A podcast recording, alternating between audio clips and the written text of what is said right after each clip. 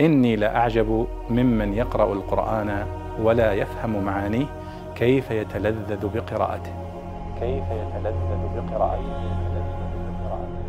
هذا سائل يسأل عن قوله تعالى والذين كفروا أعمالهم كسراب بقيعة يحسبه الظمآن ماء حتى إذا جاءه لم يجده شيئا. يقول ما معنى كسراب بقيعة؟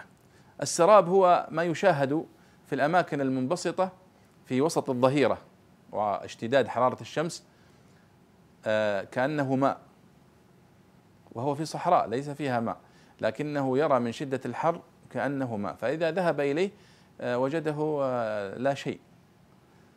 فمعنى كسراب بقيعة القيعة هي الأرض المنبسطة الممتدة. وهذا دليل أن السراب لا يشاهد في الأماكن الجبلية والأماكن المتعرجة وإنما يشاهد في الأماكن المنبسطة. عندما تشتد إشاعة الشمس فيخيل إليك من بعيد أن هذا ماء.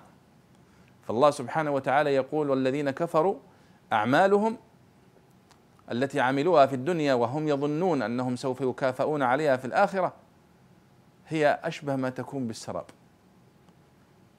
السراب الذي يراه الإنسان يظن أنه ماء حتى إذا جاءه لم يجده شيئا.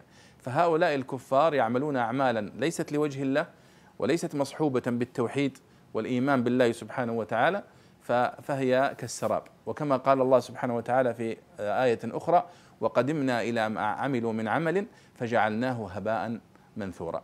فكذلك هنا سراب لا أثر له ولا قيمة له ولا وجود له أصلا لأنه غير حقيقي. فكذلك أعمالهم لا قيمة لها ولا أثر لها في نجاتهم في الآخرة لأن لم تكن مقترنة بتوحيد الله والإيمان الحقيقي بالله سبحانه وتعالى. فإذا كسراب بقيعة أي كماء في أرض منبسطة يظنه الرائي ماء وليس بماء وإنما هو سراب وخيال. والله أعلم.